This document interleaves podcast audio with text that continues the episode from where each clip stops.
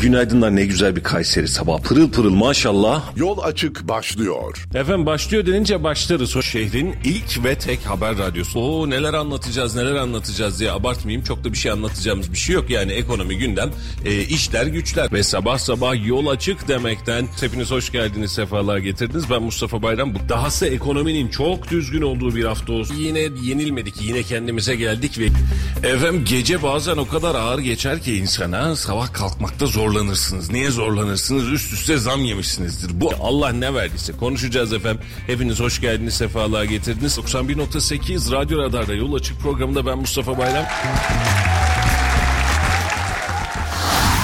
Radyo Radar yol açık başlıyor. Efendim hayırlı sabahlar ve günaydınlar diliyoruz. Hepinize hoş geldiniz, sefalar getirdiniz. Bugün de sizlere merhaba demek, bu haftayı da sizlerle beraber başlatmak nasip oldu. Çok şükür ve haftaya da başlamış olduk. 91.8 Radyo Radar'da bölgenin tek haber radyosunda ve Kayseri'nin iddia ediyoruz ki en çok dinlenen sabah programında Yol Açık'ta sizlerle beraber olmanın keyfini yaşıyoruz. Hoş geldiniz, sefalar getirdiniz. Bugün de memleket meseleleriyle, ekonomileriyle, yerel gündemlerle konuşmaya, anlatmaya ve bunları sizlerle tartışmaya devam edeceğiz. Stüdyomuza bir tarafta Sayın Halil İbrahim Öztürk, bir tarafta Sayın Ahmet Billor ve ben Mustafa Bayram. Sizler de bu haftayı da beraber geçirmeyi planlıyoruz efendim. Hoş geldiniz, sefalar getirdiniz. Hoş bulduk. Günaydın, hayırlı sabahlar. Günaydın, günaydınlar. E, haftanız güzel geçmiş gibi. Hafta sonu hava güzeldi çünkü böyle enerjisi bol bir hava şartı vardı ortada. Hava e, durumu vardı. Bugüne de bakmış olduğumuz zaman aslında aydınlık bir gökyüzüyle uyandık. İnşallah hafta da böyle geçer diyeceğim ama hafta içerisinde yavaş yavaş sıcaklıkların düştüğü e, tam yalancı bahar modu. Yani iki gündür de aklıma o takıldı. O şarkı da takıldı hatta. Sen yalancı baharsın diyor ya tam o moddayız. Böyle yalancı bahar moduyla e, bir taraftan ağaçlar çiçek açıyor. Bir taraftan e, soğuğa doğru sonbahara doğru sonbaharın hazanına doğru da girmiş oluyoruz. Şu an itibariyle baktığımda genel durumda bu hafta da çok fazla yağış görünmüyor.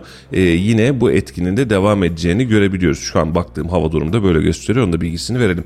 Yağmur gelecek diye de milleti de korkutmayalım. Evet, Kasım ayı için güzellik günler aslında yaşıyoruz. Kasım'ın evet. ilk haftası için. Ee, yani bu zamana çoktan soğuk kalırdı aslında. Erciyes'e ikinci kar yağdığında Kayseri merkezi soğuk kalır derdik. İkinci kar da yağdı merkez dağda. Ee, ama güzel günler yaşıyoruz ama sonuna geldik dediğin gibi artık bu hafta itibariyle yavaş yavaş düşmeye başlıyor. Hemen hemen her gün birer ikişer derece hava sıcaklıkları düşüyor. Özellikle gece saatlerinde 10 derecenin altında olması da serinliği hissettiriyor insanlara. Rahmetli anneannem öyle derdi. 10 Kasım'da kar yağar oğlum derdi. 10 Kasım'a bir şey kalmadı. Daha merkezde karın yüzünü görmedik. Mevsimlerde dönüşüyor. Kısa bir para piyasası turu yapalım. Gündeme doğru geçelim. An itibariyle bankalar arası piyasada dolar kuru 28 lira 40 kuruş. Euro ise 30 lira 51 kuruşa kadar yükseldi. 30-50 e, kritik seviye 30'u geçmesi zaten çok kısa bir zaman almıştı bu anlamda. Şu anda da 30-50 civarında bir euro fiyatı söz konusu. Altının ons fiyatı 1983 dolar 38 sent. E, 2000 dolara doğru hafif yaklaşım devam ediyor ama hala 2000 doların altındaki seyir devam. Brent petrolde ise o 90 dolar seviyesi korktuğumuz 90 100 dolarlar seviyesinden bir miktar daha gerideyiz. 85 dolar 28 sentte de şu an itibariyle Brent petrolün fiyatı var. Altının durumu 1989 dolarlık en azından ons fiyatı. Gram altında şu an 1862 lirayı bir çeyrek altında ise 3040 liralık bir fiyatı gösteriyor karşımızda. Ee, ama özellikle yine söyleyelim altının onsundan daha fazla şu dönem itibariyle dolar ve eurodaki farklılık ve yükseliş e, bir miktar dengeleri bozdu. Özellikle e, euro dolar karşısında e, bir kademe daha ben fazla yükseliyorum dedi. E, paritede eksiye dönen parite vardı. Yani e, 0.90'lar seviyesine dönen parite vardı bir dönem hatırlarsınız. Şu an itibariyle euro dolar paritesi de 1.07 civarında 30.50 e, ve 28.40 e, şu an itibariyle euro ve dolar fiyatları. Memleketten olduğu hafta sonunun önemli gündemi aslında CHP'deki e, yaşanan kurultaydı e, tartışmalı geçeceği ya da kavgalı geçeceği öngörülen kurultay aslında kavgalardan birazcık daha uzakta ama e, tartışma demeyelim ama şokları da beraberinde getirdi. Özgür Özel'in e, ben buradayım demesi ve aday olarak çıkması Kemal Kılıçdaroğlu'nun elinin rahat olduğu düşüncesi ve e, seçime girildiğinde ilk turda geçerli salt çoğunluğu, geçerli çoğunluğu sağlayamamak sebebiyle e, başa baş mücadelede Özgür Özel bir adım daha önde çıkarak ilk turu kazandı. İkinci turda e, kendi yakın çevresi ve kamuoyu Kemal Kılıçdaroğlu'na çekilmelisin artık. Yani Özgür Özel kazanıyor sen buradan çekilmelisin dedi ama Kemal Kılıçdaroğlu ikinci turda da çekilmedi ve Özgür Özel çoğunluğun oylarını alarak genel kurulda CHP'nin yeni genel başkanı olmuş oldu. Memlekete hayırlı olsun olsun. Dün akşam berberdeyim berber öyle diyor. Abi buna da yenildi Kemal Bey diyor. E, bu, bu da bir bakış açısı tabii ki. 6 ay içinde dördüncü yenilgisi Kemal Kılıçdaroğlu'nun. Yani e, mesajlar kurultay süresince verilen mesajlar birazcık ilginçti. Sırtımdan bıçaklandım dedi. E, süreçte bunlar bunlar oldu dedi. Özgür Özel'e bunları kaç zamandır beraber çalışıyoruz. Bunları niye yüzüme söylemedin dedi. Dedi de dedi. Aslına bakacak olursanız siyasi partilerde bu değişim çok zor görülür. Hatta CHP tarihinde koltuğunda oturan bir liderin yerinden edildiği CHP tarihindeki ilk seçim. Yani e, çünkü şöyle oluyor. Eğer koltuktaysanız delege yapısı size bağlı. il başkanları yapısı size bağlı. Siz bunu daha öncesinde belirliyorsunuz ve hiç kimse de sizi e, koltuğunuzdan edemiyor. Böyle bir rahatlık var. Yani kim ne yaparsa yapsın e, ne kadar siz kötü ya da iyi olursanız olun sizi değiştirme kudretine sahip olmuyor. Ama CHP'de birazcık taşlar değişti. E, yakın çevreden Özgür Özel'in çıkması, Ekrem İmamoğlu gibi isimlerin Özgür Özel'e yenilikçilere en azından e, bu anlamda e, destek veriyor olması CHP'de hızlı bir dönüşüm yaptı. Yorumları takip ediyorum şöyle. E, yorumlar diyor ki yani bu seçimde bardağa koysak alırız dediğimiz seçimi alamadık diyor. Yani e, tabloya da böyle bakıyor CHP'liler. E, değişim ne getirecek valla bunu e, kestirmek birazcık zor. Mesajlar benzer ama değişim özellikle teşkilat yapısından başlayacaksa, teşkilatlar üzerinde bir dinamizm kazandırılacaksa ve Türkiye'ye mal olacak bir siyasi partiden bahsedebiliriz ama sadece Ankara'da genel merkezde biz bu işi yapıyoruz diyecek olurlarsa bu iş birazcık zorlanacak. Teşkilatlarda da birazcık sıkıntımız var. Mesela Kayseri İl Örgütü e, açık e, ve aleni olarak delegeleriyle e, Kılıçdaroğlu'na desteğini açıklamıştı. E, Özgür Özel buna bir düşmanlık duyacak mı bilmiyorum ama düşünsene sen diyorsun ki ben Ahmet Bey'i destekliyorum Halil Bey seçiliyor. Bunlar da rakip. E, bu denge otomatik olarak yereldeki bizim Kayseri üzerindeki teşkilat yapısında da mı acaba'yı beraberinde getirir gibi görünüyor. Sizlerden de yorumlarınızı almak isterim. E, on, e, kaç yıl oldu Kılıçdaroğlu? 8, 13 yıl. 13 yıl. 2010'dan bu tarafa. 13, 13 yıllık yıldır Kemal Kılıçdaroğlu muhalefeti, ana muhalefeti, e, hakikaten ana muhalefeti başka hiçbir şeye geçemedi çünkü. Ana muhalefeti de sona ermiş oldu. Şimdi e, Kılıçdaroğlu tebrik etmek lazım. İstikrarını bozmadı. Yine kaybetti. Yani karşısında aday olduğu hiçbir seçimi kazanamadı. Bu kadar uzun süre tabandaki seslere rağmen bu kadar uzun süre nasıl e, o koltukta oturdu? Ben bu konuda biraz şey içerisindeydim. Yani bu koltuk niye bu kadar sıcak, niye bırakılamıyor diyordum. Bu kadar çok seçim kaybetmesine rağmen.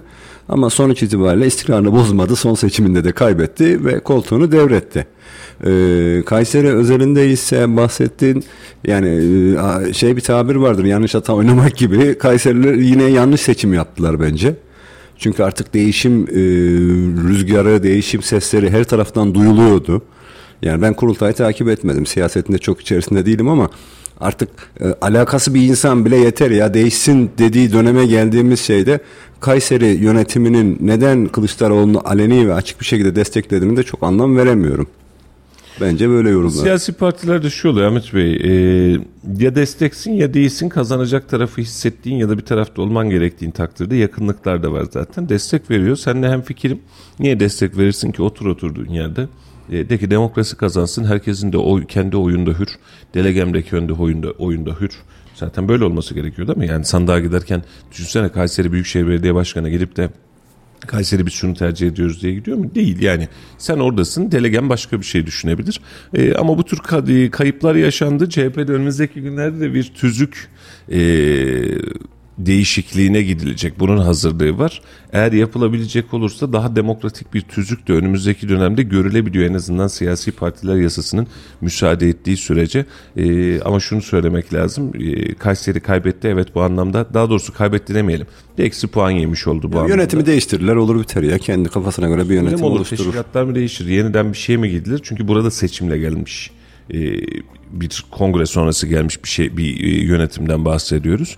E, ben değişme e, olacağı zan- zannında değilim ama birçok noktada da elleri rahat etmeyecek ama değişen yönetime de bakacak olursanız Sayın Kılıçdaroğlu'nun çok uzun zamandır yardımcılığını yapan, gerektiğinde sözcülüğünü yapan bir Özgür Özel'den bahsediyoruz. Yani aslında vekiliydi. teşkilatın dışından da gelen böyle hiç alakası olmayan bir adam filan değil. Onun için çok da böyle büyük kopuşlar yaşanacağını da zannetmiyorum. Ben de yani kısa sürede birçok yerde olacağını zannetmiyorum ama uzun dönemli eğer olursa e, muhalefetlik ya da genel başkanlık süreci mutlaka ama mutlaka Kayseri'de içine alacak değişimler de olacaktır.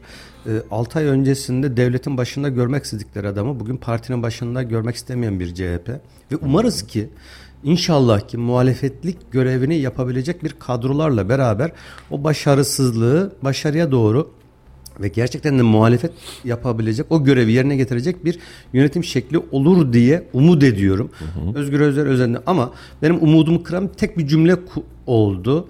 Ee, yani 13 yıldır CHP'nin başında olan ve e, girdiği her seçimi kaybeden bir Kemal Kılıçdaroğlu yönetimi mutlaka yönetimle beraber e, üst yönetim kadrolarıyla beraber komple değişecek. Evet. Ama dün hem e, Kılıçdaroğlu'nun hem de Özgür Özel'in yani terörist e, açık söylüyorum Selahattin Demirtaş'a sonrasında Gezi finansörü Osman Kavala'ya selam göndermesi bunun yanında birkaç kişiye daha selam göndermeleri benim umudumu biraz azalttı açıkçası. Hmm. İnşallah yanılıyorumdur. Ama e, nasıl bir yönetim sergileyeceklerinde birazcık göstermiş oldu gibi geldi bana. Umarım yanılıyorum. Valla ben de e, özellikle dünkü anahtar listeleri, akşam konuşulan anahtar listeleriyle baktığında mesela Özgür Özel'le yeni bir yönetimden başlıyorsun. Ama Sezgin Tanrıkulu'yu ana sayfada e, kendinin yanında yazıyorsun. E, aslında birazcık dengeler aynı gidecek gibi. Açıklamalar da zaten bunu gösteriyor. E, ama şunu değiştirebilir. Mesela yerel seçimler öncesinde kırılan ittifak umudunu yeniden Özgür Özel canlandırabilir. Hadi o, dün dündü o Kemal Bey'di ben Özgür Özel'im hadi Beren'den beraber bir araya gelelim ya da farklı bir motif yapalım mı diyebilir. Ee, İstanbul Büyükşehir Belediyesi üzerinde özellikle önümüzdeki dönemlerde hani onun üzerinde de çok ciddi bir e, yükleme yapıldı. Onun üzerinde daha etkin bir siyasi akış Ekrem İmamoğlu üzerinde yapılabilir. Ama yine de dediğin gibi e, gelen kişi böyle vatandaş üzerinde, kamuoyu üzerinde müthiş bir heyecan yaratan herkesin evet diyebileceği bir yapıda değil. E, daha merkezci olmaktansa daha solcu mu olmayı tercih edecek CHP? Bunu da önümüzdeki günlerde göreceğiz. Çünkü e, oradaki kritik de önemli. Kemal Kılıçdaroğlu son döneminde daha merkezcile doğru kayıp herkesle oynamaya, herkesle uğraşmaya, herkesten oy talep etmeye çalışan bir yapı sergilemişti. Büyük, e, ülkücü benim demişti. Ya onu şey de söyledi. Muharrem İnce de söyledi. eşimin, adı, eşimin Ülkü. adı Ülkü dedi. Ben sizden önce ülkücüydüm filan dedi. cümlesi vardı. Genel seçimlerden önce e, bu ittifaklar döneminde Özgür Özel şu cümleyi kurmuştu hatırlıyorum. Meral Akşener yani İyi Parti ile daha doğrusu İyi Parti ile birlikte e, ittifaka mecburuz. Eğer ki farklı e, partiler olarak girersek bu intihar girişimi olur. Hem CHP için hem İyi Parti için gibi sözleri vardı. Belki de o masadan oturma, kalkma, geri gelme muhabbetinde belki bir araya getiren unsurlardan biriydi Özgür Özel. Şimdiki tekrar yani büyük ihtimalle aynı fikirdedir diye hmm. tahmin ediyorum. Önümüzdeki işte Mart'ın sonunda gerçekleşecek yerel seçimlerde özellikle ve özellikle Ankara, İstanbul, Antalya, e, belki Kayseri bilmiyorum. E, Adana, Mersin gibi büyük şehirlerde en az 5-6 büyük şehirde bir ittifak olacağını tahmin ediyorum ben yine. Her ne kadar Meral Akşener kendi adaylarımızı çıkaracağız dese de e, siyasette çok şey değişiyor. İki günde bile değişiyor biliyorsun. Masadan kalktığında ilk, yani inanılmaz e, cümleler kuran Meral Akşener pazartesi günü tekrar e, aynı koltuğa oturmuştu. Meral Akşener'in bu kadar hızlı yeniden artık geri dönüş yapacağını tahmin etmiyorum. Çünkü geçen seferki yaptığı geri dönüşün gerek kendisine gerek partisine gerek ülkeye maliyeti ortada. Bunun için bu dönüşleri ya çıkacaksın ya da çıkmayacaksın kıvamında. Ama şunu e, senle hem fikrim il bazlı bir ittifak hatta ilçe bazlı ittifak modeli partiler arasında düşünülecek gibi düşü görünüyor. Yani mesela hiç iddiası yok ya da kesin kazanacak. Bu iki e, konjektürde herkes kendi adayını çıkartsın demek tabii ki özgür olacaktır. Yani şöyle düşün İzmir'de İyi Parti aday çıkartmış. Hayırlı uğurlu olsun. İyi de İzmir'de e, Atatürk'ü AK Parti'den de aday göstersen CHP kazanıyor. Yani burada çok fazla bir şey değiştirmedin yıllarda. Güzel bir cümle kurdun. Yani Allah rahmet eylesin Atatürk mezardan çıksa gelse adaylığını koysa yine kazanamaz. Yani. Açık. Şimdi İzmir'deki gördüğümüz yapı da bu. Ee, tabii ki bu tercih meselesi buna bir itirazımız yok. Vatandaş neyi tercih ediyorsa odur. Ama mesela Ankara, İstanbul kritik geçebilecek yerler. Mersin, Adana e, ve Antalya. bu Antalya. E, bu tür bölgelerde e, mesela yeni dönemde özellikle Denizli, e, Balıkesir, Bursa bunlar da hedef illerin arasında. Bu illerde bu bölgelerde çeşitli ittifak modellerini konuşmak ya da konuşlandırmak gerekecek gerekecek? Özgür Özel'in e, yaklaşık 5 ay içerisinde büyük sınavını verecek bence Özgür Özel. Yani yerel seçim. hemen hemen? Yani en fazla 5 ay içerisinde sonuçlanmış olacak. E, bu süre içerisinde de acaba ilk seçiminde nasıl bir sonuç alacak? Bu Özgür Özel'in bundan sonraki CHP'nin başındaki koltuğuyla alakalı bence önemli bir kriter olacak. Yani eğer burada ilk seçiminde büyük bir yenilgi alırsa ellerindeki bu büyük belediyelikleri kaybederlerse Özgür Özel zaten tam bir fiyaskoyla CHP'nin e, son şeyine getirmiş olacak kendisine. Ama e, her şekilde eğer burada bir e, büyük şehirlerde bir başarı sağlar ya da buna çok asılacağını, çok yükleneceğini tahmin ediyorum ben. Yani bu yerel seçimlerde çok fazla yüklenecek. Yani tek umut Kendini ispatlaması için buna ihtiyacı var. Bir de şu var sevgili dostlar şimdi e, Mart'ta seçimi yapacağız. Mart'ta seçimi bitirdikten sonra biz muhtemeldir ki 4 sene boyunca bir daha seçim yapmayacağız. Yani ölüm, kalım, zulüm vesaire bilmem bir şey olmazsa 4 sene boyunca seçim yapmayacağız. Bu bir siyasi parti için çok zor bir dönem. Şimdi şöyle düşünün. Eğer elinizde bir belediye yoksa, eğer elinizde bir argüman yoksa, geliştireceğiniz bir moral yoksa 4 yıl boyunca boş boş oturulacak bir süreç partide dökülmeye, partinin e, siyasetçisinin bile eskimesine sebep olur. Bunun için siyasetçiler için zor bir dönem ve zor bir süreç gelecek. Bunun için bu seçim hakikaten mesela gördüğünüz alanda gördüğünüz birçok siyasetçi için son seçim olacak. Mecburen. 4 sene var. Bir de şöyle bir şey var. Özgür Özel'in şu anda yaş avantajı var. Yani 1974 doğumlu.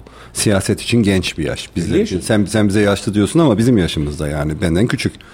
Şimdi İşte siz yaşlısınız o siyasetin. Şimdi, şimdi siz Siyaset- siyasette genel başkan olacak olsanız size genç deriz ama işte siyaset bakarsanız- için genç bir yaşta. Evet. Yani ene- ene- enerjiyle şeyle yani doldurabilecek o tempoyu kaldırabilecek bir yaşı var. Şeye döndü bizim arabayı bu üflüyordu abiye döndü. o konuya hiç girmeyelim.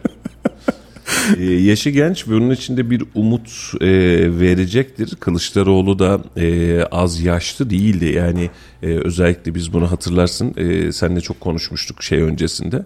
E, kaç yaşında? 74 yaşında. Yani şimdi 24 yıllık bir fark var. Önümüzde de bir süreç var. 50 yaş, 45 yaş e, siyasetçi için aslında ideal yaş dengesi yani genç siyasetçi, cevval siyasetçi, yetişecek siyasetçi de, diyeceğim bir adam.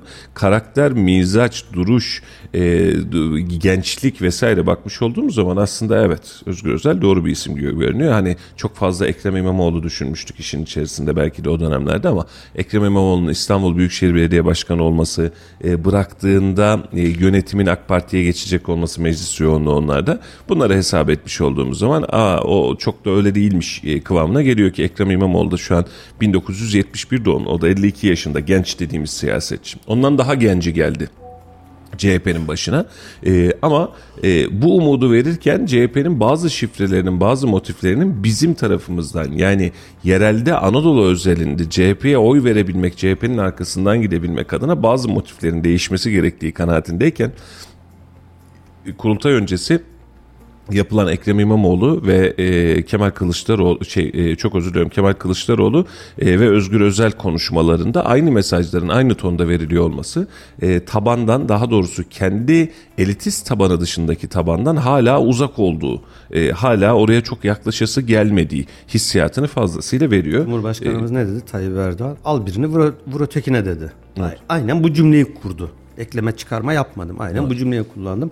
Keşke yani burada bir e, Selahattin Demirtaş'la Osman Kavala cümlelerini kurmasalardı belki bir tabanda biraz karşılığı olabilirdi diyorum ama benim de o değişimle beraber umutlarımı biraz azalttı. Osman açık. Kavala konusunda tüm memleket belki aynı tepkide değildir ama Selahattin Demirtaş hakikaten memleket için bir ince çizgi oldu.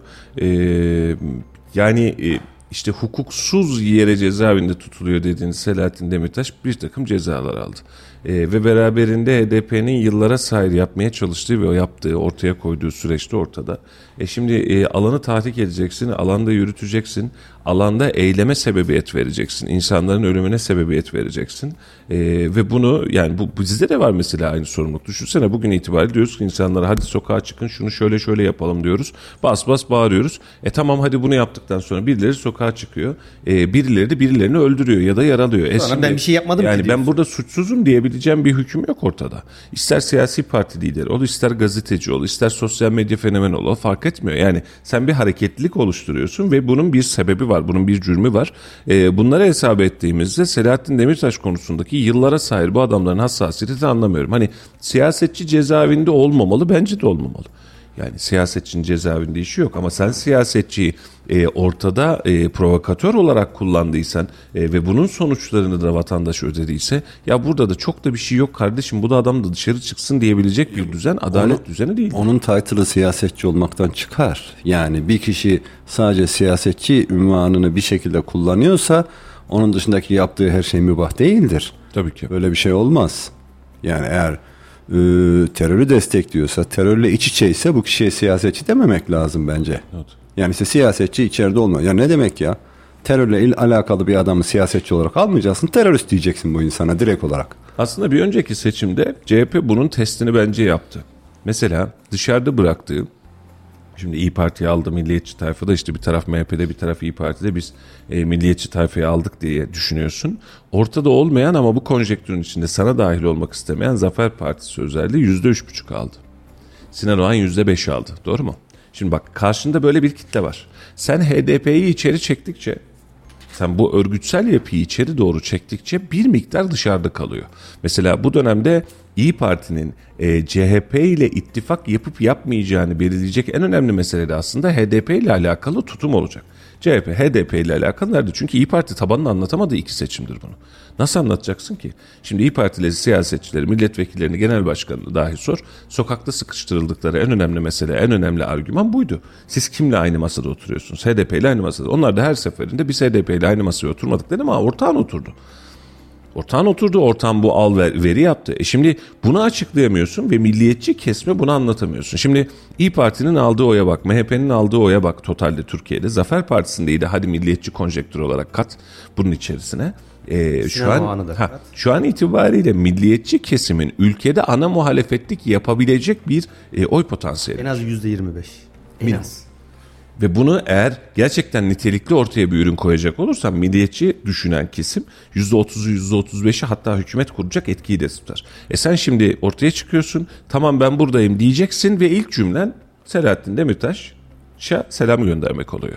Şimdi %25'i sırtını dönerken karşılığında karşını almaya, cebine almaya, yanına almaya çalıştığın kitle belki bir ihtimal %10, bir ihtimal %8 bu civarda bir oran. Bunun Yani tamamını tamamı paket olarak almıyorsun ki. Tabii ki canım.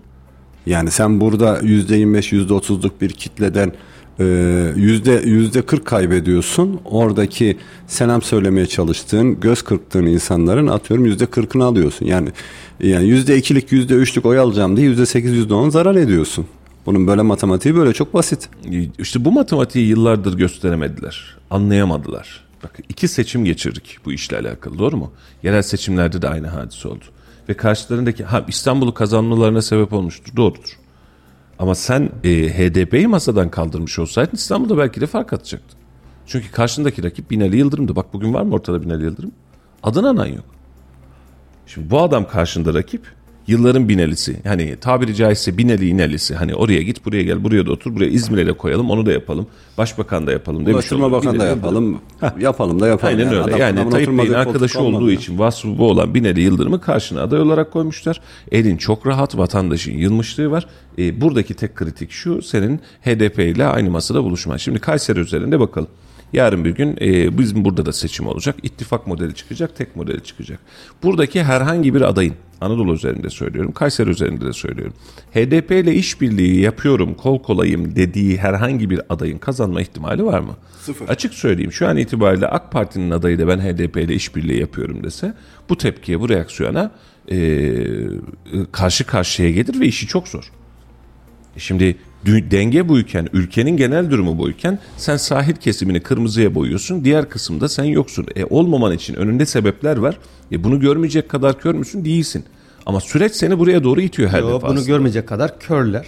Değiller. Ondan Çok sonra diyorlar ki kırsalda vatandaşlar cahil diyor. Köyde oturan adam diyor bize diyor oy vermedi diyor. E, körler açık söyleyeyim. İşte bu körlük değil Halicim. Bu e, bu kadar kör olma ihtimalleri yok. Bunun altında kendi içlerinde yatan bir dinamizm planı var. Yani kendi içerisinde da bir yayın başında da daha elitist, daha kendi içerisinde sırt sırta veren, e, burayı kabullenmiş ve bugüne kadar kabullendiği şeyi de yeniden inkar etmemeye çalışan e, Murat Karayalçın dönemiydi herhalde değil mi başladığı dönem? E, HDP'nin, HADEP'in o zaman tabii. itibariyle 91 SHP'den e, meclise girdirilme dönemi e, Leyla Zanalar'ın milletvekilliği döneminde e, kürsüden Kürtçe yemin etme dönemlerine başladığımız dönemler kongrelerinde Türk bayrağı asmama dönemlerini yaşadığımız dönemler yine aynı partinin temelleri e tamam burada parti temelinde böyle bir ayrışım yapmışsın 20 yıl 25 yıl 30 yıl geçmiş ama senin partin e, neredeyse cumhuriyetle yaşadın. Yani artık sen bu işin içerisinden çıkabilmen lazım ya da bunu görebilmen lazım. E, ama burada taraf olarak durmaya, taraf gibi kalmaya devam ediyor. Şimdi CHP'li kardeşlerim de dinliyor. Ne olur kusurumuza bakmasınlar. Ben kime oy verilip verilmeyeceği tarafında değilim. Bu işin stratejisi tarafındayız. Bunu anlatmaya çalışıyoruz. E, ve bu mesajlarla başlamış olduğun yolculuğa yarın bir gün yerel seçim sattına girdiğimizde benzeri mesajları vererek devam ettiğinde hala Anadolu'da bir geçer akçen olmayacak. Ve tüm bu şartlara rağmen kendi yorumcuları da bunu söylüyor. Hadi şimdi işte e, Halk TV'nin vesairenin yorumcuları var ve hepsi işte CHP'nin eski delegesi milletvekili vesaire yorumcular takımı da bu. E şimdi diyor ki bir önceki seçimde e, ifade şu hani bardağı koysak, tası koysak, kabı koysak, tabağı koysak Tayyip Erdoğan'ın karşısında kazanmamız gereken seçimi kaybettik. Şimdi bak bu kritik cümle. Sebep şu. Hani e, Kayseri'de de yaşanmış tarihçesi var. Ceketimizi koysak alırız muhabbeti var ya. Seçime çıkışınızdaki aritmetik bozukluk zaten buradaydı. Dediniz ki Tayyip Erdoğan en kötü halinde. Biz bunu her halükarda yeneriz. Hatta X bir ismin başka bir arkadaşın yani bizzat yaşadığı hadise CHP'nin önemli isimlerinden bir tanesi İstanbul'da şöyle rakı bardağını önüne koyup bu bardağı bile koysak Tay- Tayyip Erdoğan'ın karşısında alırız diyordu. Ee, ben de arkadaşa aynısını söylemiştim. Evet o bardak hala kazanabilir. Ama Kemal Kılıçdaroğlu'nun bu anlamda kazanma dürtüsü, kazanma yetisi zor. Bunu seçimden önce de çok fazla konuştuk. Adaylık sürecinde de çok fazla konuştuk. Kamuoyunun beklediği genç, dinamik ve yenilik. Bak Tayyip Erdoğan'ın gelişi de yeniliktir. Bülent Ecevit sonrasında bir yenilik rüzgarıyla gelmiştir. İki dönemle, üç dönem kuralıyla gelmiştir. Biz değişeceğiz, değiştireceğiz diyerek gelmiştir. Bu büyülü söz herkes tarafından tutulur. Sen şimdi e, 74 yaşındaki Kemal Kılıçdaroğlu'nu tüm ittifakların ortak dürtüsüymüş gibi ortaya koyup ittifaklara da rüşvet verip Ya, Bendeki adı sosyal bu. medyada Kemal Kılıçdaroğlu aday olmasın diye en çok bağıran zaten kendi tabanlarıydı.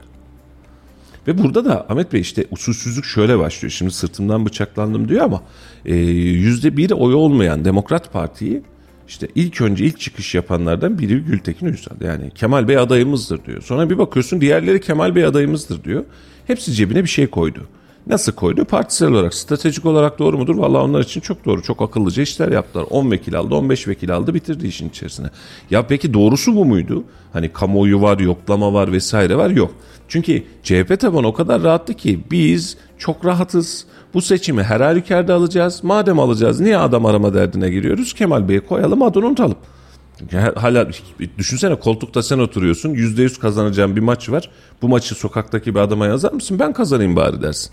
Kafa bu mantıkla baktığı için ortaya çıkıldı. Ve şimdi de hikayeye bakmış olduğun zaman e diyorlar ki işte beni arkamdan bıçakladı, sırtımdan bıçakladılar. Valla tüm memleket e, tabiri caizse pankart açtı Kemal Kılıçdaroğlu adayı. Sen tüm memlekete sırtından bıçaklamış oldun bu sayede. Aynen öyle. Yani kazanabileceği... bittiği gün diyor, seçimi kaybettiğimiz gün diyor, değişim değişim diye başlayanlar diyor. Ne yapacaktı? Bir sonraki seçimden önce mi değişim değişim diyecekti insanlar. Kaybetmiş. Yapamamış. Şimdi şoför gidiyor. Kaza yapmış. Ne yaparsın? Şoförü değiştirirsin değil mi en kötü ihtimalle? Ya kardeşim kaza yapıyorsun sen. Olmuyor bu iş dersin. Sen de diyorsun ki bir sonraki kazadan önce söyleyin. Ya bir sonraki kazaya kadar zaten şansım yok. Öyle canım Kemal Kılıçdaroğlu'na bakmasan yani o artık Bakamıyoruz e, artık, bu yok. garantiyi bu garantiyi gördüğü için e, ateşe attı. Büyük bir kumar oynadı bence. Burada da kaybetti. Daha hala ben bu seçime girmeden ben de kendisinin çekilmesi lazımdı. Eğer siyasette adını ondan sonra tamam artık bıraktım demesi için O kadar şık olurdu ki Ahmet Bey. ben ben bırakıyorum demesi Şimdi çok doğru bir hareket olurdu. Resmi sonuçlar açıklanmış. Kemal Kılıçdaroğlu bir basın açıklaması yapıyor.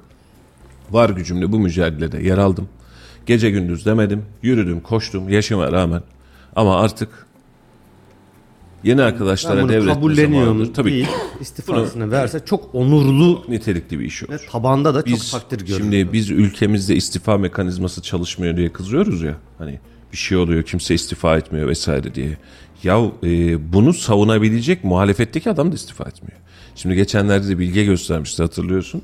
Tespit doğru bunu biz daha önce konuşmuştuk. Arkadaş başka bir türlü yapmış. Şimdi tek adam rejimi diye başlıyorsun. E, muhalefet partisini bunu söyleyen muhalefet partisinde tek adam rejimini kurmuş.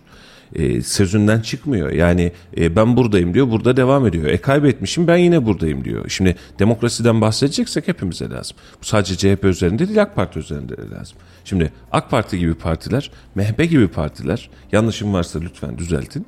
e, tam anlamıyla ideolojik temelden alınan ve beraberinde liderin sultasındaki, dürtüsündeki partiler. Yani şimdi Tayyip Erdoğan'ı işin içinden çekersen AK Parti diye bir parti yoktu başladı ve devam ediyor. Anavatan Partisi Turgut Özal yoksa Anavatan Partisi yoktu.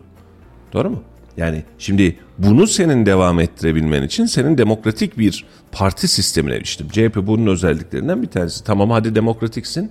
E devamı e, yok bitti. Şimdi rahmetli Alparslan Türkeş vefat ettiğinden sonra milliyetçi tayfanın içinde kaç adete bölündüğüne bir hesap edin. Şimdi rahmetli Necmettin Erbakan vefat ettiğinde işte Saadet kaldı. Yeniden Refah çıktı. Evladı kendi öz evladı. Başka bir partiyle çıktı. Başka bir oluşum çıkıyor. Şimdi CHP'de öyle değil. CHP'de de öyle de CHP'de öyle değil. İşte CHP'de de bakıyorsun Sarıgül Parti kurdu vakti zamanında. Muharrem İnce Parti kurdu vakti zamanında. E şimdi senin bunu yeniden toparlayacak bir güce, bir demokrasiye, bir akışa ihtiyacın var. E bunu yapmak için de iyi bir vizyona ihtiyacın var. Ama e, düne kadar gördüğümüz tablo Kemal Kılıçdaroğlu'nun bıraktığım şimdi Muharrem İnce senin Cumhurbaşkanı adayındı. Ve partinin içinde tutamadın.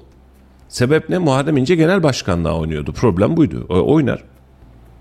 Çıkmayacak mı bu insan? En doğal hakkı. Senin Cumhurbaşkanı adayın olmuş.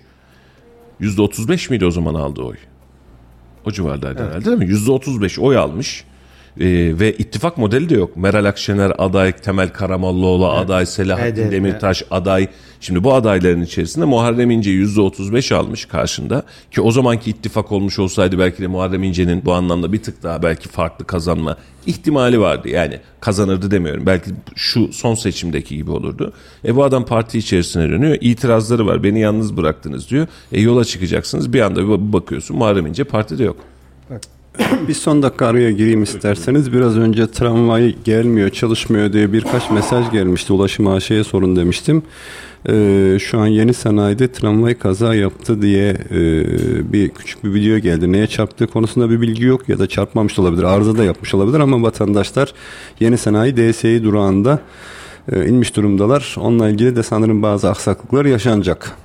En azından belli bir süre tramvay gelip gitmeyecektir yol kapandığı için. Yani şu anda vatandaşlar inmiş tramvaydan. Belki bir arıza olabilir. Kaza neye çarptı dedim. Herhangi bir şey yok. Bekletiyorlar diyor ama kaza olmayabilir. Arıza da olabilir. Yine sanayi DSİ durağında tramvay şu anda bekliyor anlık. Türkiye'de konumuza tekrar dönelim. Demokrasinin işlemediği tek yer siyasi partilerin kendi içi. Doğru. Bu konuda hemfikiriz herhalde. Bir genel başkan hayata e, veda etmeden yerine bir başkası gelmiyor. E, ve görevdeyken görev değişikliği, genel başkan değişikliği ilk defa CHP'de yaşandı. Bu demokrasi adına aslında güzel bir şey.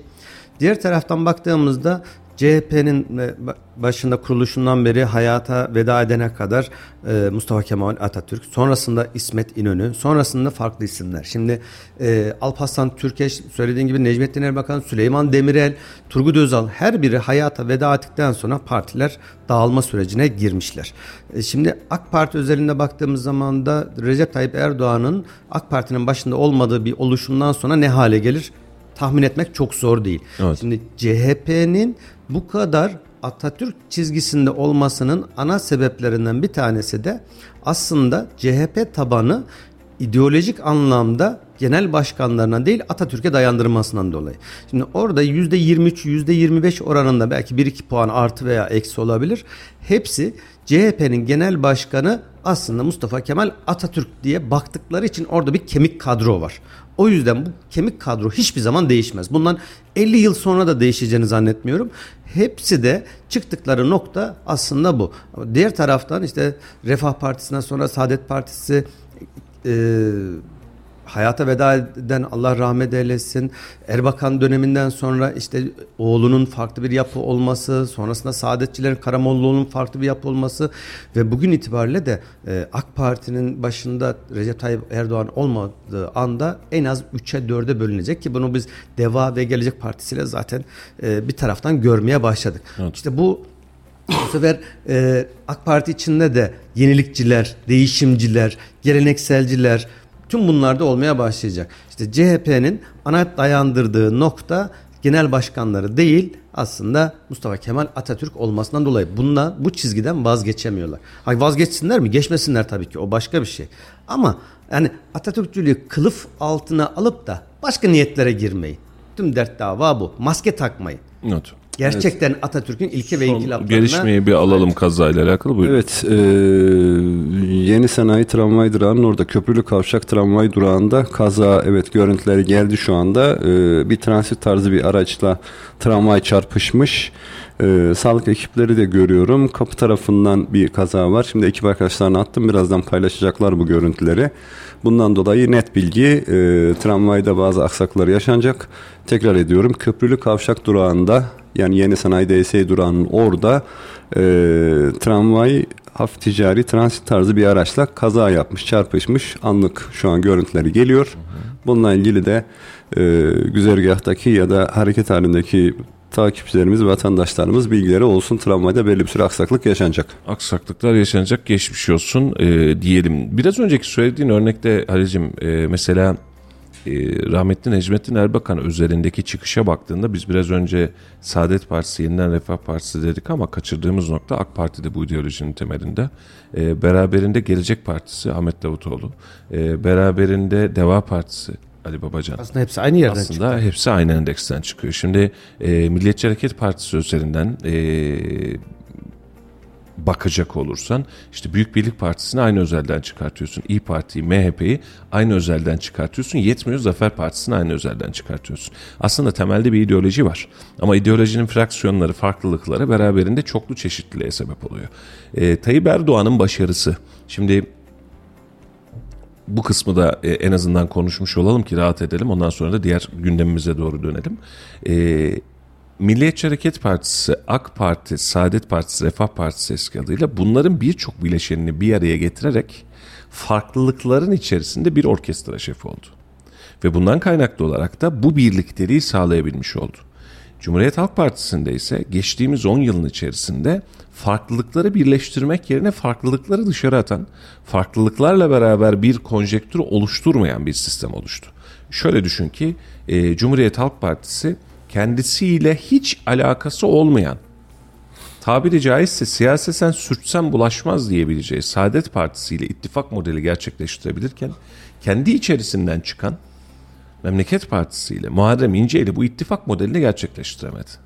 Sadece kendi tabanından çıkan Sarıgül'ü yeniden kendisine dahil edebildi. Bugün de hatta iş bittiğinde hala e, Kemal Kılıçdaroğlu'na desteğim açıklamasını yapıyor, yapabiliyor Sarıgül.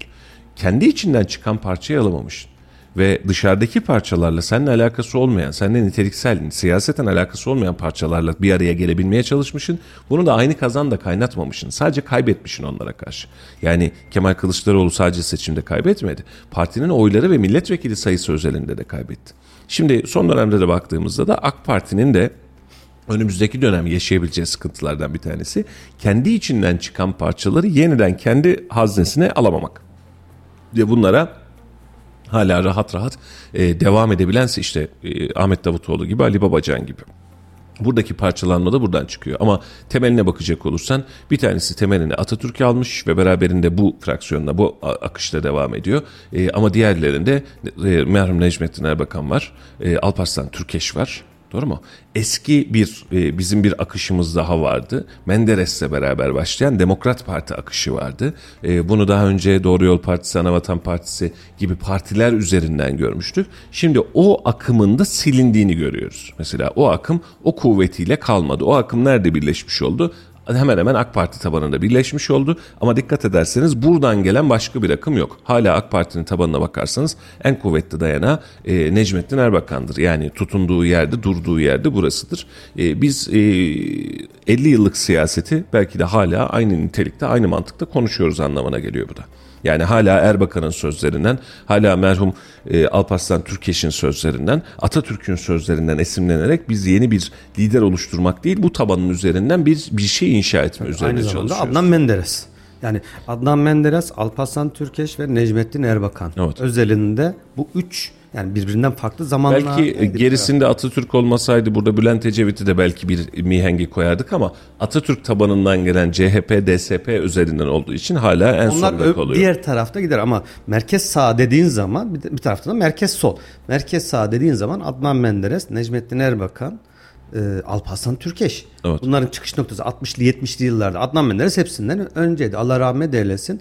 Dar ağacında hayatına son verdiler ki yani ne zaman gizli arşivler ne zaman açıklanır onu da çok fazla bilmiyoruz ama arkasında çok fazla karanlık karanlık işler var. Bunu biliyoruz ama arşivler açılmadığı için e, nedenini tam olarak bilemiyoruz. Sadece tahminlerde yürütüyoruz. Bunlardan doğan diğer partiler bahsettiğin gibi e, nereye kadar devam eder ve gerçekten de o 50 yıllık geçmiş tarihimize baktığımızda 60 yıllık o ideoloji yeni bir evreye çevrilir mi bunu da açıkçası bilmiyoruz. Memlekete hayırlı uğurlu olsun. Bakalım önümüzdeki süreç neler gösterecek siyaseten ama önümüzde bir yerel seçim var sevgili dostlar. Ee, ve yerel seçimde ne yapacağımızı, kimi seçeceğimizi, nasıl davranacağımızı da herkes hakikaten meraklı bekliyor. En büyük beklenti noktamız şu. Hadi bakalım e, kim çıkacak, kim aday olacak ve kimler kazanacak noktası var. Ve bu işi de tamamen siyasi partiler üzerinden götürmeyi tercih ediyoruz. Nasıl yani? E, tabii ki normal olarak diyoruz ki işte AK Parti mi ya da Cumhur İttifakı mı kazanacak? Karşı tarafta ittifak olursa o mu kazanacak, bu mu kazanacak diyoruz. Ama adayların niteliğine bakmak konusunda hala Türk toplumu olarak siyasetin ve demokrasinin temelinde oturmadığımız kanaatindeyim. Bunu özellikle yerel seçimler öncesi daha rahat söyleyebilirim. Şimdi genel seçimlerdeki ufukta siyasi partinin ideolojisi onun cumhurbaşkanı, başbakanı, şimdi başbakan kalmadı ama işte bakanlar kurulu diye baktığımız bir süreç var. Diyoruz ki biz bir partiye oy verelim, bu parti iktidar olsun, bu partinin genel başkanı cumhurbaşkanı olsun. Misal Kurmayları kim? Ha ve ve bu kurmaylarla beraber de ülkeyi yönetsin diyoruz. Buradaki baktığımız son seçimde de aynısını yaşadık. Tamam biz buna bakarken tamam kardeşim bu ülkeyi yönetir, bu yönetemez, bu daha iyi yönetir, bu böyle olmalı. Tercihlerimiz var ve tabiri caizse yüzde bir, yüzde iki, yüzde üçlük bir oy farkıyla kafa kafaya giden bir seçim mücadelesini daha çok olmadı geride bıraktık. Ama yerel seçime döndüğümüzde normalde bakmamız gereken tablonun şu olması gerekiyor. Kim iyi yönetir? Çünkü şehrimi yönetecek. Şimdi şu partiden bu partiden olması meselesi diye bakmamamız lazım biz, bizim bu işe normalde. Yani kimi yönetir kardeşim? Ahmet'i yönetir, Halil'i yönetir, Mustafa yönetir. Bunlardan hangisi? Ahmet daha yönetir. Tamam Ahmet'e oy verelim. Mustafa'cığım bu konuda bir şey söylemek istiyorum. Şehri yönetmeyecek, şehre hizmet edecek. Evet. Yani şimdi konuşur, konuşurken aslında bile şehri yönetecek. Doğru Hayır, belediyeyi yönetecek. Şehre hizmet eden insanları yönetecek. Bence bu gözle bakmamız lazım. Yani o insanlar beni yönetmiyor. Şehrimi de yönetmiyor. Şehre hizmet ediyorlar. Ben ben konuşurken bile öyle bir algıya kapılmışız ki bu insanlar şehri yönetiyor diye bakıyoruz. Hayır abi. Şehre hizmet edecek insanı seçeceğiz. Şimdi yönetmeyi de şöyle diyelim. Hala hazırda var olan bir atıyorum 10 bin kişinin üzerinde çalışanı olan bir belediyeden bahsediyoruz totalde. Ee, şimdi bu çalışanları, bu tesisleri, bu işletmeleri, bu birimleri e, orkestrası olacak, yönetecek. Hadi bu anlamda bakalım ama dediğine haklı, dediğinde haklısın. Şehre hizmet edecek bir insan.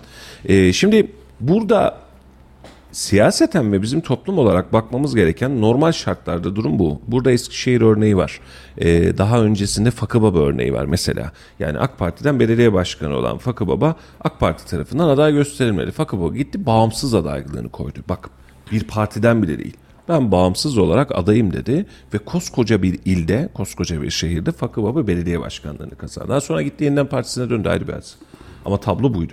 Şimdi Eskişehir'de bakıyorsun CHP diyorsun, DSP diyorsun, öbür parti diyorum Büyükelçen her türlü seçiliyor. Ha bu, onun da bu dönem herhalde son dönem olur diye tahmin ediyorum yaş itibariyle ama yani şimdi orada bir belediye başkanına karşı bir sevgi, muhabbet vesaire var ve buradan seçiliyor. Şimdi bizim burada şöyle hesap edelim. Sayın Memduh Büyükkılıç AK Parti'den değil de bağımsız aday olsaydı ne kadar oy alabilirdi? Ya da X bir başka partiden aday olsaydı. E o zaman burada şöyle bir sıkıntı var. Biz hala yerel yönetimlerde partisel olarak oy vermeye ve partinin göstermiş olduğu adayı kabul etmeye devam ediyoruz. Ve bu bizim yine önümüzdeki yerel seçimde ne yazık ki böyle gerçekleşecek en büyük handikaplarımızdan biri. Ahmet Bey gelecek A partisinden, Halil Bey gelecek B partisinden. Halil Bey iş yapamaz bir adam bunu biliyoruz. Ama Halil Bey'in partisinden dolayı Halil Bey'e oy veriyoruz. Kayseri Ahmet her Bey zaman oluyor? E sen yapma kardeşim. her zaman onu tercih ediyor. Yani hükümet neyse yerelde de onu seçmeye çalışıyor. Kayseri'nin genel e, şeysi budur, yürüyüşü budur. Niye daha çok destek alırız, daha çok şehrimiz dışlanmaz, şehrimizin yatırımları daha fazla artar diye bir hayal içerisine giriliyor ve bunu da hep kaybediyoruz. Yılmaz Açıkçası Büyükerşen 1999'dan beri belediye başkanı. Evet. 24 Bu arada yıldır. biraz önce kazayla ilgili kısa bir not düşmek istiyorum. Gelen görüntüleri incelediğimizde aslında tramvay kaza yapmamış. Kaza yapan bir araç tramvay yoluna girdiği için seferlerde aksama gözüküyor. Çünkü tramvayda, tramvayda bir kaza görmedim. Ee, vatandaşlar da zaten ne olduğunu çok bilemedikleri için başa görüntüler geldi. Tramvay yoluna girmiş bir araç var. Ee, kaza yapmış bir araç. Ondan dolayı tramvay seferleri aksıyormuş. Bunu da kısa bir not olarak düşelim. Evet. Şimdi e, bizim yerel yönetimler özelinde mesela şu an siyasette bunu konuşuyor. Geçtiğimiz gün Şaban Çopuroğlu bir açıklama yaptı. Dedi ki ay sonuna kadar Büyükşehir Belediye Başkanlarımızı belli etmiş oluruz. Hayırlı olsun. E, şu an itibariyle Kayseri'de herkes gözünü buraya dikti. Doğru mu? Cumhur İttifakı zaten net kazanır. Aday kim olacak? Mevcut başkan devam edecek? Yeni bir aday konulacak. Yani gündem bundan ibaret. Peki e, daha iyi iş yapacak birisi ya da daha kötü iş yapacak birisini getirirlerse biz yine aynısından mı bakacağız? Evet siyasetten aynısından bakacağız gibi görünüyor. Psikolojide bunu oturuyor. Peki yani şu bilinci aşmış olsak mesela kardeşim hizmette bu daha iyi olmalı böyle yapmalı densek belki de memleketi değiştireceğiz. Önümüzdeki 5 yılı değiştireceğiz. Yani e, bu kısımda yokuz. Bu kısımda vatandaş olarak çok ciddi eksiklerimiz var. Şu an bunu anlatmış olduğumuz kitle, bizi dinleyen sevgili dostlar, arkadaşlar, değerli kardeşlerimiz, sabah ortaklarımız diyelim. Yani yol yol arkadaşlarımız. E, biliyoruz ki onların e, fikrinde, niceliğinde birçoğunda ya evet kimi seçeceğiz kardeşim? Nasıl seçeceğiz? Bu insanlar belediyeye nasıl hizmet edecek? Çünkü bunun derdiyle beraber bazı şeyleri araştırıyorlar ve bakıyorlar. Ama vatandaşın sokağın yoğunluğuna gelmiş olduğumuz zaman orada bizim de eksikliklerimiz var. Medyanın da eksiklikleri var siyasetin de eksiklikleri var. Ee, kim kazanır ya da kim kazanmalı diye bakmaktan daha çok tamam bu adam olsun. Yani bu adam derken bu partinin adamı olsun. Nasıl bir belediye başkanı istiyoruz? evet Ne iş yapacak? Asıl belki bakmamız gereken nokta bu. Mevcutlar e, ne söz vermişlerdi, vaat etmişlerdi, ne kadarını gerçekleştirdiler ya da gerçekleştirmediler. sözlerine ne kadar durdular Sözlerinde ne kadar durdular, vaatlerini ne derece gerçekleştirdiler. Hakikaten örnek veriyorum işte 5 yıl oldu değil mi? 90 e, 2018. 8 2018 seçimlerinden bu 19. 2019 yerel seçimler 2019'da olmuştu. 2019 seçimlerinden bugüne Kayseri'de ne değişti, ne değişmedi? Ve ne benim kadar ne yapabildik ne kadar ne yapabildik? Bunu sadece büyükşehir özelinde söylemiyoruz. Tüm ilçeler bazında, merkez ilçeler ve bunun içinde Pınarbaş'ta dahil, Sarız'da dahil, Yahyalı'da dahil, Yeşilhisar'da dahil. Evet. Ve ne bekliyoruz? Bizim Kayserimizde daha iyi ne bekliyoruz? Farklı illerle kıyasladığımız zaman 5 yıl önce atıyorum Konya, Antep nasıldı? Bugün nasıl? Kayseri 5 yıl önce nasıldı? Bugün nasıl? Kıyaslamasını yapmamız lazım. Bakın parti özelinde gitmiyorum. Biz zamanında Anavatan Partisi zamanında 7-0 7 milletvekili çıkarırken ANAP'tan o zamanki e, ANAP'tan milletvekili çıkarırken belediye başkanımız e, tam tersi e, sol cenahtandı. evet E Şimdi o zaman ne yaptı Kayserili? Partiye değil şahsa oy veriyordu. Ben yine aynı şekilde parti özelinde düşünmeden, ideolojik olarak düşünmeden Ahmet, Mehmet, Mustafa bu kişi, kişi benim için daha iyidir. Şehrimi daha iyi yönetir gözüyle bakıp tabandan partilerine de bu şekilde baskı yapmalarını beklerim. Evet. isterim. E artık e, yani çok da dillendirmiyorum biraz daha zaman geçtikten sonra belki dillendireceğiz ama şehre hizmet eden, şehri güzelleştiren, rant peşinde koşmayan, şerefiye paylarının hesabını yapmayan belediye başkanlarını ister diye tahmin ediyorum. Bu bağlamda da e, partideki yöneticilerin bile, delegelerin bile kendi il yönetimini bu şekilde e, yönlendirmesini bekliyorum açıkçası. Valla e, biraz önce sihirli cümleleri kullandın aslında. Gelmeye çalıştığım nokta buydu. E, şehre hizmet eden ya da şehre hizmet etmek için yarışan insanların bu yarışın içerisinde adil, doğru, e, sözünde duran, işinin ehli, çalma çırpma ya da birilerinin para kazanması, birilerinin daha fazla kazanmasının derdinde olmayan, tam tersine şehrin daha fazla kazanması için ortaya var gücüyle yüreğini ortaya koyan insanlar olması gerektiği kanaatindeyim. Şimdi bu şehirde biz son ömrümüzün yettiği dönem içerisinde Büyükşehir Belediye, ben şahsım adına söyleyeyim bunu en azından.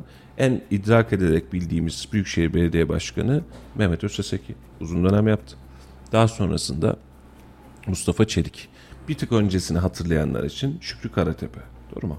Şimdi daha Ahmet Bey'le ben o dönemi hatırlıyorum. yani yok yani Hüsamettin Çetin Bulut'tan sonrası var bende. şu an memleket ortalaması maksimum Şükrü Karatepe. Yani onu da nereden hatırlar? Bizim çocukluğumuz, gençliğimiz döneminde işte 10 Kasım çıkışı vesaire görevden alınmalar filan. Şimdi son döneme bakacak olursanız şehre ne katıldığını, katılınca neler çıktığını, katılmayınca neler çıktığını aslında çok rahatlıkla görebiliyoruz. Ve bunu e, hakikaten ben şehri yönetecek insanların ya da şehre hizmet edecek insanların Ahmet Bey'in deyişiyle bu şehre ne katacağına takılıyorum. Yani hangi projeyle geleceğine katılıyorum. O kadar önemli bir görev ki. Ve burada e, temel sebebin işte acaba yolu buradan nasıl geçiririz? Acaba öbürünün arsasını nasıl çözeriz? Ama acaba şu benim şirketim e, buna daha fazla nasıl iş yaptırırız? Acaba şu müteahhiti daha fazla nasıl koruruz demenin bir tık ötesine geçip hatta bir milyon tık ötesine geçip normal demokratik toplumlarda bana ne kardeşim oradan buna? Benim parayla yok. Devlet, belediye zaten bu millet bana paramı veriyor, maaşımı veriyor doğru mu? Bunun karşılığında benim bu ülkeye, bu memleket, bu memlekete doğru düzgün hizmet etmem lazım diyerek yola çıkması gereken bir süreci yaşıyoruz. Ama e, bu sürecin bazı konularında çok eksik kaldığımız kanaatindeyim. Mesela vatandaşa bunun algısını, bunun aritmetiğini anlatmakta da zorluk çekiyoruz. Mesela e, ne söz verdiler, ne yaptılar? Oturup bunu bir hesap edelim şehri e, diğer bölgedeki şehirlere göre daha üstün hale getirecek ne yaptılar? Bunu hesap edelim. Şimdi yapılan hizmet Ya var, yapılmayan hizmet var. Olduğumuz yerde mi saydık? Tabii, bu bahsettiğimiz insanlar ve adaylarla alakalı efendim yaptığının hepsi kötüdür diyebileceğimiz bir durum var mı? Mümkün değil. Yaptığının hepsi doğrudur ya da yapılan her işi düzgün yaptı. E bu da doğru değil. Ama biz bunu eleştirirken dahi rahatsız olan bir bürokrasi ve siyaset tabanı e, eleştiriden bile böyle şey çekiyor. Hmm, filan. Yok, Ya yok, siyaset ülkemizde o kadar baskın ki e, belediye başkanları birinci öncelikle partilerine, genel merkezlerine hizmet ediyorlar. Onların istek ve talepleri ya da yönlendirmeleri birinci öncelikte geliyor. Evet. İkinci öncelikte biraz önceki senin bahsettiğin işte etraf çevreden insanlar yani yerel siyasetteki baskılarla yerel siyasetin güdümünde hareket ediyorlar. En son olarak vatandaşın ihtiyaçları ya da vatandaşa yönelik hareketleri olduğunu görüyoruz. Yani en üstü kapalı söyleyebileceğim cümleler bunlar açıkçası. Evet. Bir başka nokta, şimdi Serbülent de yazmış aynı hadiseyi. CHP'de gençlik rüzgarından bahsediyoruz. 50 yaşa geldi diye. Şimdi geçen gün de yayında da yaptık, konuştuk aynı hadiseyi. Bizim özellikle yereldeki siyasilerle alakalı uzun zamandır da en büyük sıkıntımız e, bitmeyen siyasi süreç. Yıllar geçse de üstünden bu şehir seni unutur mu? Unutamıyor yani. Kart Gitmiyor, seni unutur mu? gitmiyor ki unutsun. EYT'li hepsi. EYT normal emekli. Ya çok açık bir şey söyleyeyim mi? Bak çok net bir şey söyleyeyim. geliyor bak. Bak bankalarda herhangi bir kredi çekerken bankalarda ya da tapuda herhangi bir şekilde sen bir şey alırken bir şey satarken 65 yaş üzerindeysen akıl sağlığı yerinde midir diye rapor almadan bir işlem yapamıyorsun doğru mu? Evet. Doğrudur. Biz belediyeyi emanet ediyoruz ya. Ülkeyi emanet ediyoruz. Ülkeyi emanet ediyoruz, belediyeyi emanet ediyoruz. Allah aşkına ya 65 yaş üzeri artık Türkiye'de çalışan bir kesim değil. Tabiri caizse insan yerine konulmuyor. Artık bitti artık yaşam ömrü de bitti diye bakılıyor. Çekil kenarına otur torunlarını sev gözüyle bakılıyor. Bir şey alıp satarken akıl sağlığı yerindedir rapor. Doktor raporu olmadan imza attırılmıyorsun. Evet. Ama sen koskoca bir şehri, koskoca bir ülkeyi emanet ediyorsun. Benim kavrayamadığım, anlayamadığım asıl nokta bu.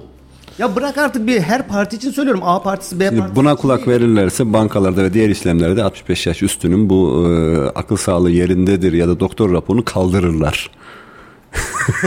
Zorlamayın yani bu anlamda. Zorlarsan kaldırırlar. Yani ben sana onu söylüyorum. Vallahi 40'lı 50'li tersine yaşlara gider doğru bu. bir inelim ya. Şimdi algısı sevimli olan ve size sürekli olarak sevimli görünmeyen insanlardansa, görünen insanlardansa e, hizmeti sevimli görünen insanları tercih etmek lazım. Lafımız nereye gidecek? Vallahi hiçbir yere gitmiyor sevgili dostlar. Çünkü biz bunu saatlerce konuşsak, kamuoyunda anket yapsak Bunu sizlerle yayınlasak birileri kafayı takınca taktığı şeyi e, aldığı sözü yerine getiriyor ve e, yönetimler aynı mantıkla devam ediyor. Sadece yaş ortalaması değil ben hizmet ortalamasına bakıyorum. Büyükerşen gibi belediye başkanımız olsaydı 5 yıl daha yapsaydı. 1937 doğumluymuş. Bak. 5 yıl daha yapsaydı. Şimdi e, mesela Haseki devam ediyor olsaydı bir 5 yıl daha yapsaydı. Şu an Mehmet Özseseki belediye başkanlığı devam ediyor olsaydı ikinci dönem olsaydı. Hatırlayın o dönemi. Yani bu adam gitsin diyebilecek kitle çok az olurdu. Yine %70'ler falan alınırdı. Mustafa Çelik belediye başkanı olarak devam ediyor olsaydı 4 yılda yani söz vermediği 4 yılda neler yaptığı ortada. Ve ben şehrim adına kaygılıyım. Benim hiçbir şeyden bir beklentim ya da eyvallahım yok ama ben şehrim adına kaygılıyım. Yani basit söyleyeyim. Geçen hafta gündeme getirdik. E, hatta son programımızın konusu da buydu. Korsan aşılan afişler mevzusu memlekette. Akşamın bir saatinde telefon açılıp söz veriliyor gece boyunca afişler kaldırılacak diye. Sabah sözü dahi tutamıyorlar. Sözünü tutmayan bir Korsana insan. göz yumuyorlar. Yo yo ben Açık sadece sa- sadece korsana da bakmıyorum. Yani söz veriyorsun. Yani ağzından bir laf çıkıyor. Ben sana diyorum ki Halicim sabah 9'da geleceğim. Gelemiyorsam 10'da geleceğim diye haber veririm. Bu sözü dahi tutamayacak kadar e, bir yerlere iradesini bağlamış, e, tahakkümü bağlamış insanlarla biz nereye kadar daha gideceğiz önümüzdeki yıllarda gerçekten merakla bekliyorum. İçim almıyor, haz da etmiyorum. E, bunun karşılığında e, bir yerlerden de tepki olarak bize tepkime geliyor. Valla buyursunlar gelsinler. Yani e, tehditler geliyor üstüne. Adaletsizlik yapacaklar, üstüne de tehdit edecekler değil mi? Tabii. Yani e, ha ben kendilerine de söyledim yayında da söylemiş olayım yani hodri meydan. Hodri meydan yani bizim bu anlamda böyle bir aman yaman filan zaten biz korkuyor olsaydık biz bu işi yapamazdık. Biz bugüne kadar da korkarak yapmadık bu işi. Her şeye rağmen herkese rağmen dik durarak dimdik ayakta kalarak yaptık. Bundan sonra da böyle devam edecek ama e, yine söylüyorum kanunsuzluğa göz yuman göz yumduğu kanunsuzluğu yüzüne söyleyince üzülen sonra aman böyle yapmayalım da biz sabaha bunu halledeceğiz diyen ve bu sabaha kadar dediği sözü dahi tutamayan iradesiz insanlarla yaşı hiç önemli değil. Ben adama bakarım adam mı diye lafına bakarım laf mı diye biz lafı laf, laf diyebiliriz. Ee, bunun için bu kısımları artık çoktan geçtiğimiz kanaatindeyim ama yine söylüyorum biz sabaha kadar bu yayınları yapsak sabaha kadar kamuoyu yoklaması yapsak, sabaha kadar sokakta insanlara bunu sormuş olsak, vatandaşın gönlünde olan, aklında olan, kafasında olan istediğiyle e, diğer detaylarda istediği birbirinden farklı. E, Allah hayırlı uğurlu etsin. E, biz uzun bir dönem daha bu mantıkta gideceğiz gibi, bu mantıkta insanların e, dediğini yapacağız gibi görünüyor. Yani hani işte parti belirleyecek, biz de gideceğiz sandığa seçeceğiz gibi görünüyor. Sonra bunun adına da demokrasi diyeceğiz. Benim seçmek istemediğim bir yeri, belediye bir kişiyi, belediye başkanlığı ve sonrasında bunu e, genel merkez tabanlı parti bazında aslında parti oy veriyor. Özellikle son 10-15 yılda yerel seçimler yerel seçim olmaktan çıktı. Hepsi tabiri caizse genel seçim havasında gidiyor. Evet. En son 2019 yıl- yılındaki seçimlerde mitinglere bakıyorsun. Tüm belediye şey, genel başkanlar belediyelerin mitinglerine genel başkan düzeyinde katılıyor. E bakıyorsun e, belediyeye aday olmuş başkan adayı çıkıp iki kelime ediyor. iki dakika bile cümle kurmuyor. Bir buçuk saat boyunca genel başkanını biz dinliyoruz. Evet. Ya bırak o zaman, o zaman ben bir e, yerelde beni yönet- yönetecek adaya ben kulak vermek istiyorum. Ne söylüyor? Ne söz veriyor? Beni nasıl domine edecek? Nasıl hareket edecek? Ya Bana şimdi- ne vaatlerde bulunacak? Şimdi Ama karşımıza işte bundan çıkmamız lazım. Şimdi karşımıza çıkartıp yarın bir gün bu adayımızdır diyecekler. Önümüzdeki 5 yıl için ne vaat edeceğini gerçekten merak ediyorum. Kim çıkacak şu aday? Ama şu an devam eden aday olacaksa o 5 yıl için ben bunları bunları yapacağım diyecekse e, efendim bir önceki dönemde söz verdiklerinizi niye yapmadın diye soracak bir muhalefet olacak mı? Bu muhalefete cevap verilecek mi? Hadi cevap verdiniz. Bunu yayınlayacak kaç tane yayın kuruluşu olacak? Ee, seçim dönemi geliyor. Yani şu an itibariyle herhalde bu sesleri en özgürce e, tarif edecek ve anlatacak 2-3 mecradan biriyiz. Fazlası da yok zaten. Yani geçtiğimiz gün muhalefetten bir e, abimiz, sevdiğimiz bir abimiz ziyaret etti. Onlarla da konuşuyoruz aynısını. Sen ne yaparsan yap. Yani sesin o gün itibariyle kısılacak. Ee, peki e, yeni dönemde projeleri ortaya çıkartacak mesela muhalefetten ya da iktidar kanadından ben de adayım dedi. Biri dedi ki Memduh Büyükkılıç karşısında ben de adayım kardeşim dedi. Ahmet Bey dedi ki ben de adayım. Proje koyması gerekmiyor mu ortaya? Kamuoyunun gözünü almak için. Yani bugüne kadar bunlar yapılmadı ben bunları yapmak için geliyorum. Bunları da ortaya koymak için. Vaat de yok. Şimdi bak dengeye bak. hiçbir ortada vaadi olmayan, hali hazırda vaat üretmemiş ya da ürettiğini tutmuş tutmamış bir insanı yeniden seçim sattığında genel merkezin belirlediği tasayla aday koyuyoruz. Peki niye aday koyuyorum ben? Mesela cebi daha mı dolu? Daha mı genç? Daha mı cevval? Daha mı fazla iş yapacak? Daha mı... Hiçbiri yok bunların. Ya bunlar bizde yok. Ama diyoruz ki hadi bakalım bu adayımız olsun. Adayımız olsun dendikten sonra o diyor ki ben bu adaylık sürecinde şehir için bunları bunları yapacağım. Ben bunu tam tersinden beklerim. Çıkartın meydana insanları. Medyaya çıkartın. Kendiniz çıkartın canım. Biz bir şey yapmayalım. Bize çıkmasınlar problem değil. Ahmet, Mehmet hadi şunları şunları şunları yapacak. Kamuoyu olursun. Hizmet yarası olursun. Bir aday adaylığı sürecini biz Kayseri'de yaşıyor muyuz? Ya Yaşamıyoruz. Bak ben 2019 seçimlerinde e, 2018 ve 2019 Sadece diğer partilerde yaşıyoruz. Mesela İyi Parti'de var şu an. İşte ben Koca Sinan'dan aday adayım, Pınarbaşı'ndan aday adayım, işte Talas'tan aday adayım diyen insanlar var. Bunun dışında aday adayım. Bunlar da oldukça cılız sesler. Bak ben 2018 ve 2019 hem genel seçimlerde hem yerel seçimlerde Adana ve Mersin'de yaşıyordum. Ya yerel seçimden ta 6 ay 7 ay önce, genel seçimlerden 6 ay 7 ay önce her bir partiden yani nasıl söyleyeyim atıyorum işte e, Mezitli Belediyesi için ya da e, Toroslar için, için Kayseri için örnek vereyim Melik Gazi Koca Sinan için her bir partiden en az 6 tane 7 tane aday adayı çıkıyordu. Bunlar e, reklam alanlarını dolduruyorlar, sahada oluyorlar. E, her bir aday adayı işte bu te, teamül yoklamaları, teamül yoklamaları için ön hazırlıklar yapıyorlar. Kendilerince anket çalışmaları yapıyorlar. Vatandaşa dokunuyorlar. Medyayı kullanarak vaatlerini ortaya koyuyorlar. Diyor ki ben şu partiden aday adayım. Bak daha aday bile değil. Aday adayım. Eminim ki şu an Mersin, Adana'da aynı süreç yine yaşanıyor. Ama bizim Kayseri'de biz genel merkezin adayları belirlemesini bekliyoruz. Aday adayım diye ortaya çıkıp bak A partisi, B partisi, C partisi medyada yer almak, sesini böyle cılız değil, hakikaten gür bir sesle çıkarman var mı? Yok. Çıkamıyor Halil'ciğim. Çıkamıyor. Yani şöyle çıkamıyor. Hadi diyorsun şu an aday adayı çıksın ortaya diyorsun. Yıpratılmaya başlıyor. Aday adayı çıkartıyorsun. Karşı taraf hamlesini buna göre yapıyor. Saçma sapan bir seçime giriyoruz. Memlekette e, yerel yönetimlere bunu sadece büyükşehir üzerinde konuşmuyorum. ilçeler üzerinde de konuşalım. Yani e, şimdi bakıyorsun şu ilçe diyorsun. Ya ilçenin tabiri caizse son 5 yıllık dönemde içi geçmiş. Bak içi geçmiş. Bizim herhalde bu memlekette basmadığımız ilçe, köy kalmadı. Son 3 yılın içerisinde doğru mu? Gidiyoruz. Köy kahvesine de oturuyoruz. Vatandaşla da röportaj yapıyoruz. Kulisi de alıyoruz vesaire de alıyoruz. Bazı belediyeler var ki devasa bütçeleri olabilecekken borcun içerisinde kıvranıp tabiri caizse tüm ürünleri hacizli. Bu Kayseri'de bu belediyeler. Başka bir yerde aramayın. Bazı belediyeler var ki belediye başkanı kapının dışından çıkmaz. Vatandaş neredeyse yani çıldırıyor. Hani hiçbir şey yapılmadı diye. Bunlar da yok gündemde. E Şimdi bunlarla alakalı da hiçbir şey konuşulmuyor. Ve hala partilerin domine ettiği ben şu adayı koyacağım diyor. Adayım halen devam edecek diyor. Ya da biz bunu şu partiye vereceğiz diyor. Sen sağ ben selamet. Gelişen ilçelerin halini anlatmama gerek yok. Herhalde vatandaş görüyordur hangi ilçelerin gelişebildiğini. Hangi ilçelerin yerinde saydığını ya da geriye gittiğini. Kayseri'de benim son seçimlerde gördüğüm seçim çalışması yapan gerek milletvekili gerek belediye başkanlığı olsun yaptıkları tek şey gezmek. Ne kadar çok insanın elini sıkarız, ne kadar çok insanla böyle yüz yüze merhabalaşırız, seçim kazanıyoruz. Evet. Bu mantıkta bakıyorlar. Seçim çalışmalarının %90'ını gezme oluşturuyor. %10'unu Düğün proje cenaze. O %10'da düğün cenaze. Yok yani yerel seçim için düşündüğünde yüzde onu proje. Yani projeleri yüzde on, yüzde doksanı milletin, insanların işte e, yüzüne bakma, merhaba ben buradayım, işte tamam ben sizin için çalışacağım. E, gittiğin yerdeki her insanın mutlaka bir sıkıntısı var, bir şeysi var ama insanlara sürekli hani ben buradayım demek dışında hiçbir şey yaptıklarını görmüyorum.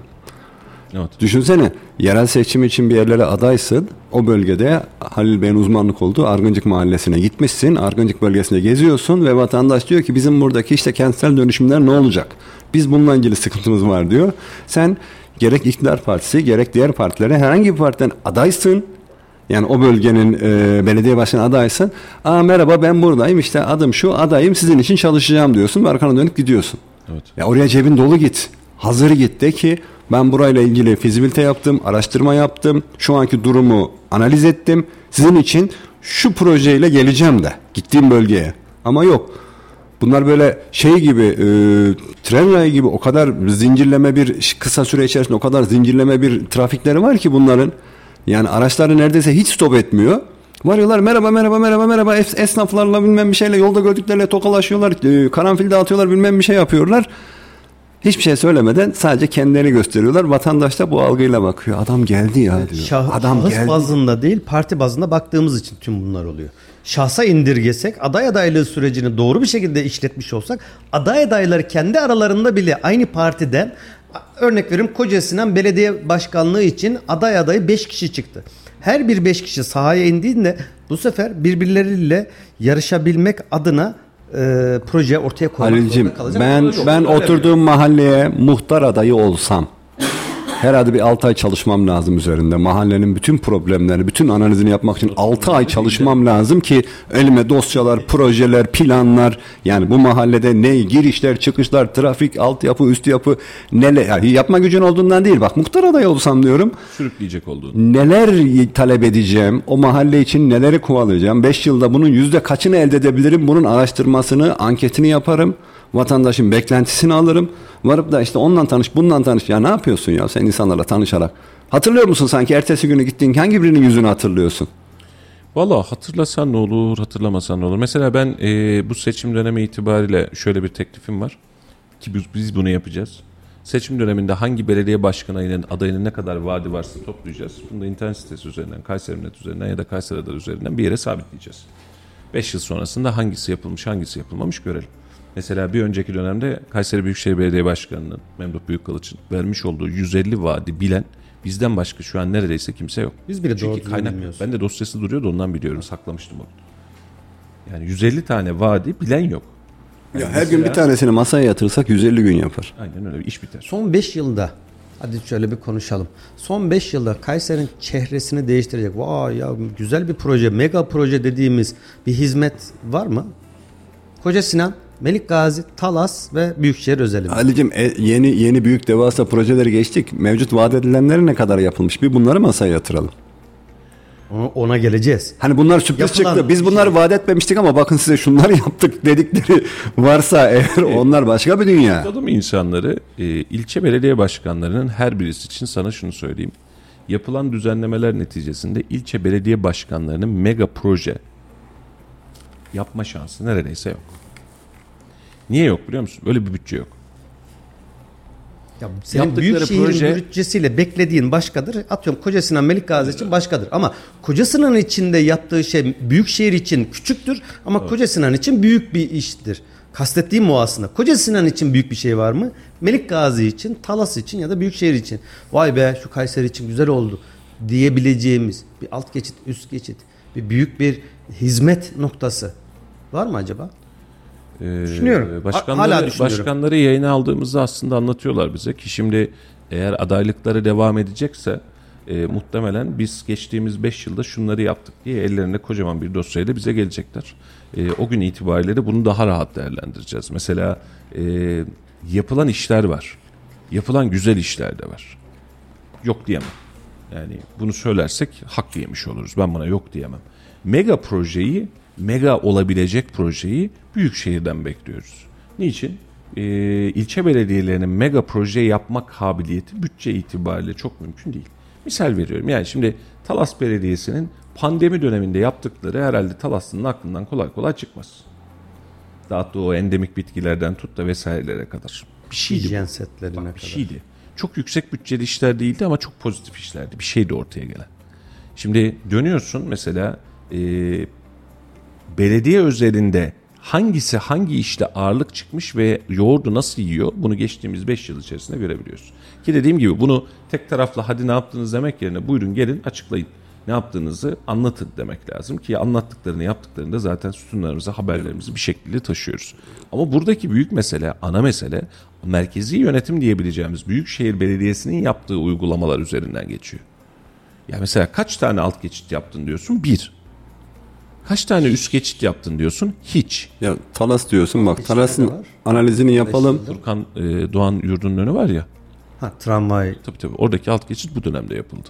Uzun sürdü hatta hatırlıyorsun Kazım Yücel oradan videolar falan çekmişti. Hala şu saat oldu bekliyoruz falan diye ama orası e, Mustafa Çelik zamanında tramvay hattının kredisi çıkartıldı, projesi bitirildi. Hatta o kavşak dahil olmak üzere planlandı. O kavşağın yapımı da Memduh Bey'e nasip oldu. Şimdi Talas'ı analiz edelim mi? Talas'ta sanayileşme, hani büyük bir sanayiye de organize olma şansı var mı? Yok. Bina yoğunluğu var mı? Var. İnsanlar ne bekliyorlar? Yeşil alanlar çok azaldı. Yeşil Talas beton Talas'a dönüştü. Bununla ilgili park, bahçe, mesire bu kadar yoğun insanların gidebileceği yerlerin oluşturulması ve Talas Belediyesi'nin de yaptığı son dönem icraatlara baktığınız zaman 100. yıl mesire alanı, diğer yenilenen yer, mahalle aralarındaki ufak yerlerde çok hızlı hareket ediyor mesela. Evet. Tutup da Talas Belediyesi ben buraya bir sanayi bölgesi oluşturacağım. Bununla ilgili hani ince su gibi şey gibi hani böyle bu tür projelerle çıkmıyor ortaya. Kendi yap- yapabileceği oradaki yoğun e, yaşam kitlesinin nefes alabileceği yerler üzerine ve çok hızlı çalışıyorlar mesela. Ben bunu burada gözlemliyorum. Onların zaten ekstra bir mega proje şeyleri yok. Ha, Talas'ın Mevlana tarafı yukarı Talas kısmına giden tramvay hattı da zaten Büyükşehir'in biraz önceki Mustafa'nın bahsettiği sorumluluktaydı. O da yeni açılışı yapıldı. Oraya da hizmet gidiyor. Bence Talas Belediyesi'nden beklenen en büyük şey nedir? Vatandaş gözüyle bakıyorum. Altyapıyla alakalı sıkıntıların çözülmesi bekleniyor. Evet. Beklentimiz, yoğun beklentimiz bundan ibaret. Sevgili dostlar yavaştan sona geliyoruz. Haftanın ilk günü e, birazcık hatta e, ülke gündemine de çok fazla dönemedik ama birazcık siyaset birazcık da yerelle işi toparlamış olduk. Yarın yine aynı saatlerde birlikte olacağız. E, yerel seçim yaklaştıkça, yerel satı yaklaştıkça belki de yerel konularda daha fazla sizlerle de konuşmuş olacağız. E, bugünlük biz müsaade isteyelim. Laf Sokak'ta var Ahmet Bey? Enflasyon rakamları daha sonrasında bir röportajımız vardı ama CHP'nin kurultay olduğu için o röportaj e, eskidi. E, enflasyon rakamları açıklandı. Bununla ilgili vatandaşın e, görüşlerini aldık. Onu yayınlayacağız. Efendim Laf Sokak'ta ile sizi baş başa bırakıyoruz. Yarın yine aynı saatlerde sizlerle birlikte olacağız Allah'tan mani çıkmazsa. Yayınımızın tekrarında akşam saatlerinde dinliyoruz normalde ama pazartesi hariç çünkü pazartesi basın masası başlıyor. Bizden sonra veriyor musunuz Ahmet Bey basın masasından sonra yayın tekrarını? Yok gece bitiyor zaten vermiyoruz ondan sonra. Gün içi yayınları akşam tekrarlarını veriyoruz. Yani bu program dahil olmak üzere gün içi yayınladığımız bütün programların akşam tekrarlarını artı hafta sonu tekrarlarını yapıyoruz. Ee, ama basın masası gece olduğu için gece tekrarını vermiyoruz. Gece tekrarını vermiyoruz. Peki. Yarın yine aynı saatlerde buluşacağız efendim. Yarın yeniden görüşmek üzere. Hoşçakalın. Hoşçakalın. Hoşçakalın. Piyasanın gerçek enflasyonu yüzde yüzlerin üzerinde. Avrupa'daki hayat düzeyine bakıyoruz işte buradan kat kat iyi ama mesela halkımıza sorsak Almanya bizi kıskanıyor, Avrupa bizi kıskanıyor diyorlar. İşçilerimizi, asgari ücretlilerimizi ezdirmeyeceğiz diyorlar. Hiç aslı astarı yok. İki ihtiyacımız varsa bunu bire düşürdük. Yakında biri de alamayacağız. TÜİK verilerine göre enflasyon Ekim'de aylık bazda %3,43 artarken yıllık bazda %61,36 olarak gerçekleşti. Açıklanan rakamlar hakkında neler düşünüyorsunuz? Ekonomi sizi nasıl etkiliyor? Bu rakamların hiçbirine inanmıyoruz. TÜİK şu anda yalan söyleyen Pinokyo gibi bir e, kurum haline geldi. Piyasanın gerçek enflasyonu yüzde yüzlerin üzerinde. Ben emekliyim 7,5 mil, e, 7 milyon 500 bin lira maaş alıyorum. Kiraların en düşük kira 4 bin lira olmuş. Bunlar hala yüzde 60 enflasyonlardan bahsediyor. Bunların hiçbir geçerliliği yok. Bir de alım gücümüz sıfıra indi. Şu anda ben 7,5 milyona geçme şansım yok. Mümkün değil yani. Türkiye'nin yaşadığı olay da şu. Üretme yok, bir şey yok. Sadece vatandaştan vergi alarak bir ekonomi ancak gelebileceği yer buraydı. Çöktük, battık, iflas ettik yani. Bunu söyleyemiyorlar. Ben buradan söyleyeyim yani. Türkiye şu anda iflas etti. Ya ekonomi bizi çok kötü etkiliyor. Yani mesela nasıl kötü etkiliyor? Biz öğrenciyiz abla. Hani mesela biz annemizin babamızın verdiği harçlıklarla işte bir şeyler alıyoruz, bir şeyler veriyoruz. Biz çalışmıyoruz. Bizim cebimize herhangi bir yerden gelir kaynağı yok. Şimdi ben 18 yaşına gelmiş bir bireyim. Hani artık reşit de bir durumdayım. Ben gidip annemin babama el açamam ki. Enflasyon düşecek diyorlar, düşecek diyorlar. Cumhurbaşkanımız açıkladı. Enflasyonu tek rakamlı sayılara indirecek diyor. E, Geçen sene de dedi, ondan önceki sene de dedi zaten indireceğiz diye. E bu ne zaman inecek? Ya bu halk böyle gitmiyor ki abla. Hani ekonomi daha dün gece sigaraya 5 lira daha zam geldi. Hani mesela Cumhurbaşkanımız bundan önce bir çay simit parasıyla hesap yaparak buralara gelmişti. Şimdi çay simit parası hesabı yapsak yine aynı onun dediği gibi olacak. Ekonomi çok kötü. Çok kötü delirliyor. Böyle giderse zaten daha kötüye de gidecek. Bizim halkımızın cahilliğinden dolayı oluyor bu. Bizim halkımız kendi iyiliğini önemsemiyor. Kendi iyiliğini önemsemesi lazım. Kimse demiyor ki ya bunlar da insan. Bunlar da hata yapıyor. Hata yapanı değiştirmek lazım demiyorlar. Hata yapıyor işte olur geçecek. İşte hata yapıyor olur geçecek. Geçmiyor. Geçen sene demişlerdi zaten enflasyon tek rakama inecek diye. Enflasyon tek rakama inmedi. Benzin gitti. İşte sigaralar pahalandı. İşte ne bileyim hayat şartları pahalandı. Avrupa'daki hayat düzeyine bakıyoruz. İşte buradan kat kat iyi ama mesela halkımıza sorsak Almanya bizi kıskanıyor. Avrupa bizi kıskanıyor diyorlar. Avrupa senin neyini kıskanacak? Senin kendi yaptığın tok arabasını sen alabiliyor musun abla? Hani bizim paralarımızla yapıldı o araba. Sen o arabaya binebiliyor musun abla? Binemiyorsun. Niye? Çünkü arabanın e, fiyatıyla asgari ücretin arasında uçurum bir fark var. Ben o arabaya alıp binemem. O arabaya yetişemem. Halbuki o araba benim paralarımla yapıldı. Hani mesela Avrupa'ya Almanya bizi kıskanıyor ya. Şu an bakın Almanya'da Almanya kendi yaptığı araçlarını en çok kendi halkı kullanıyor. Niye? Çünkü o halkın verdiği paralarla yapıldı o arabalar. Hani mesela bunu bizim kullanmamız lazımsa biz niye kullanmıyoruz bunu? Bizim de kullanmamız lazım. Çünkü TOK bizim kendi arabamız. Ama mesela ben TOK'a kendi arabam diyemem. Çünkü ben binemiyorum, göremiyorum. Vallahi ekonomi berbat durumda da dün sorduğum domates 30 lira bugün soruyorum 40 lira. Yani bunu esnaf daha fazla şey yapıyor. Devlet önce denetlemeyi bilecek. Denetleme yok. Sözde bir iki tane gidiyorlar röportajda bir marketi denetliyorlar. Oraya cezaya öyle olmaz. A'dan Z'ye 81 il valilik e, kanalıyla mı olur, belediye kanalıyla mı olur? Esnaf komple denetlenmesi lazım. Bir de serbest ekonomi ya şimdi bakkala diyorsun ki ya dün 30 liraydı domates bugün niye 40 lira? Adam diyor ki işine gelirse. Ya böyle bir e, ekonomi olmaz yani işine gelirse ne demek? Ya ekonomi berbat yani etkileniyoruz. Şimdi ben emekliyim. 14 yıllık emekliyim. 7500 lira maaş alıyorum. 5500 lira vallahi ev kirası veriyorum. Ekonomimiz genelde bozuk. Emekliler olsun, işçiler olsun. Genelde eee, Cumhurbaşkanı dahil hiç kimse emekliler, işçiler, vatandaşı düşünen yok. Seçim zamanı geldiği zaman se- selamün aleyküm diyorlar. Seçim zamanı olmadığı zaman görüntüde emekliyi düşünüyor. Emekli bizim vatandaşımız. Emeklimizi enflasyona e- ezdirmeyeceğiz. İşçilerimizi, asgari ücretlilerimizi ezdirmeyeceğiz diyorlar. Hiç aslı astarı yok. Oy zamanı biraz şey yapıyorlar. Biz de mecburen ben kendi adıma söyleyeyim AK Parti'ye verdim. Niye verdim? CHP kazanmasın diye verdim. Sol Parti diye verdim. Yoksa bir, bir oyumun bir gramını vermem. Mesela zam verdiler diyelim. Hemen ardından bir ay sonra tekrar bir zam genelde oluyor. Farkında olmadan zam verdikler oluyor. Farkında olmadığımız zaman da verdikler oluyor. Yani gene zam hemen zam maaşımıza yansıyor. Zamdan sonra genelde zam oluyor. Zaten zamın bir manası da kalmıyor. Gene gel, acaba şunu alsam mı? Bunu alsam mı? Şuna mı baksam? Buna mı baksam diye hesap ediyoruz. İster istemez. Yabancı emeklilerimiz, emekliler, vatandaşlar geliyor. Burada tatil yapıyor. Biz tatil istemiyor. Normal rahat bir şekilde çocuğumuzu, çoluğumuzu okudak. Kendimiz rahat bir şekilde geçinek diyor yani. Ev, şey yönden, enflasyon yönünden. Hiçbir faydası yok hükümetin. Vatandaşı asgari ücret diye 11,5 milyar. Nasıl geçinsin adam 3 milyar kira verse? Hadi kirayı da boş ver. 11,5 milyara nasıl geçinecek? Hadi 15 alsın. Nasıl geçinecek? Bana göre yanıltıcı. E, TÜV'ye zaten hiçbir zaman ben şahsen inanmadım. Bilmiyorum yani. Ekonomide kötü. Ben emekliyim, geçinemiyorum. 7,5 lira aylık alıyorum. Geçinebilecek varsa gelsin geçinsin. Devlet büyükler bunu diyorum. Ya bir gün bir markete gidiyorsan aldığın ürünü ikinci defa gidin aynısını alamıyorsun. Paramız yetmiyor yani. Paramız değer kaybetti. Hep kendini hep kendini düşünüyorlar da biraz da karşı tarafı düşünsün. Yağ olmuş 180 milyon. Bu, bir insan nasıl alacak bunu? Biraz düşürseler daha iyi. Çünkü her şey ateş pahası olmuş. Ekmek olmuş 5,5 milyon. E, alamayan insanlar var. Durumu biraz kötü olanlar da var. Biraz insan biraz düşürse daha iyidir. Vallahi bizim ne bu Kayseri'de yaşanır ne de Türkiye'de yaşayacak. Ekonomimiz çok kötü etkiliyor. Ekonomiden hiç mutlu değiliz. Vallahi bu işte bir adaletsizlik var ama bilemiyorum.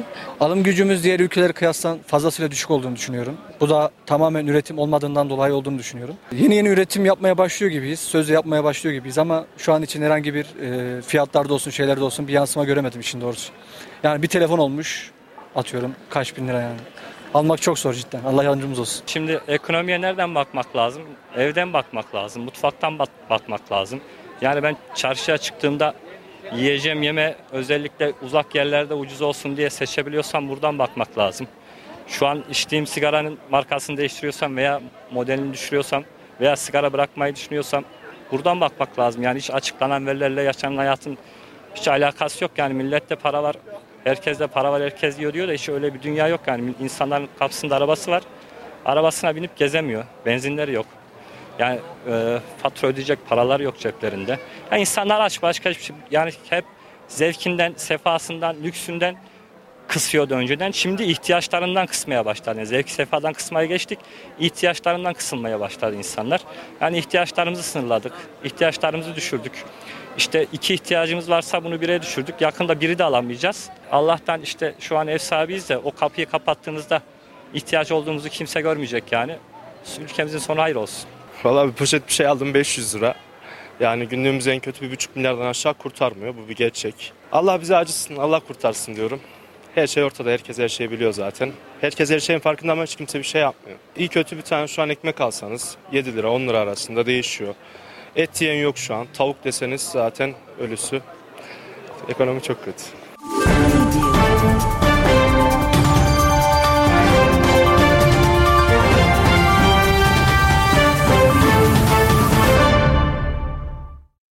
Radyo Radar yol açık sona erdi.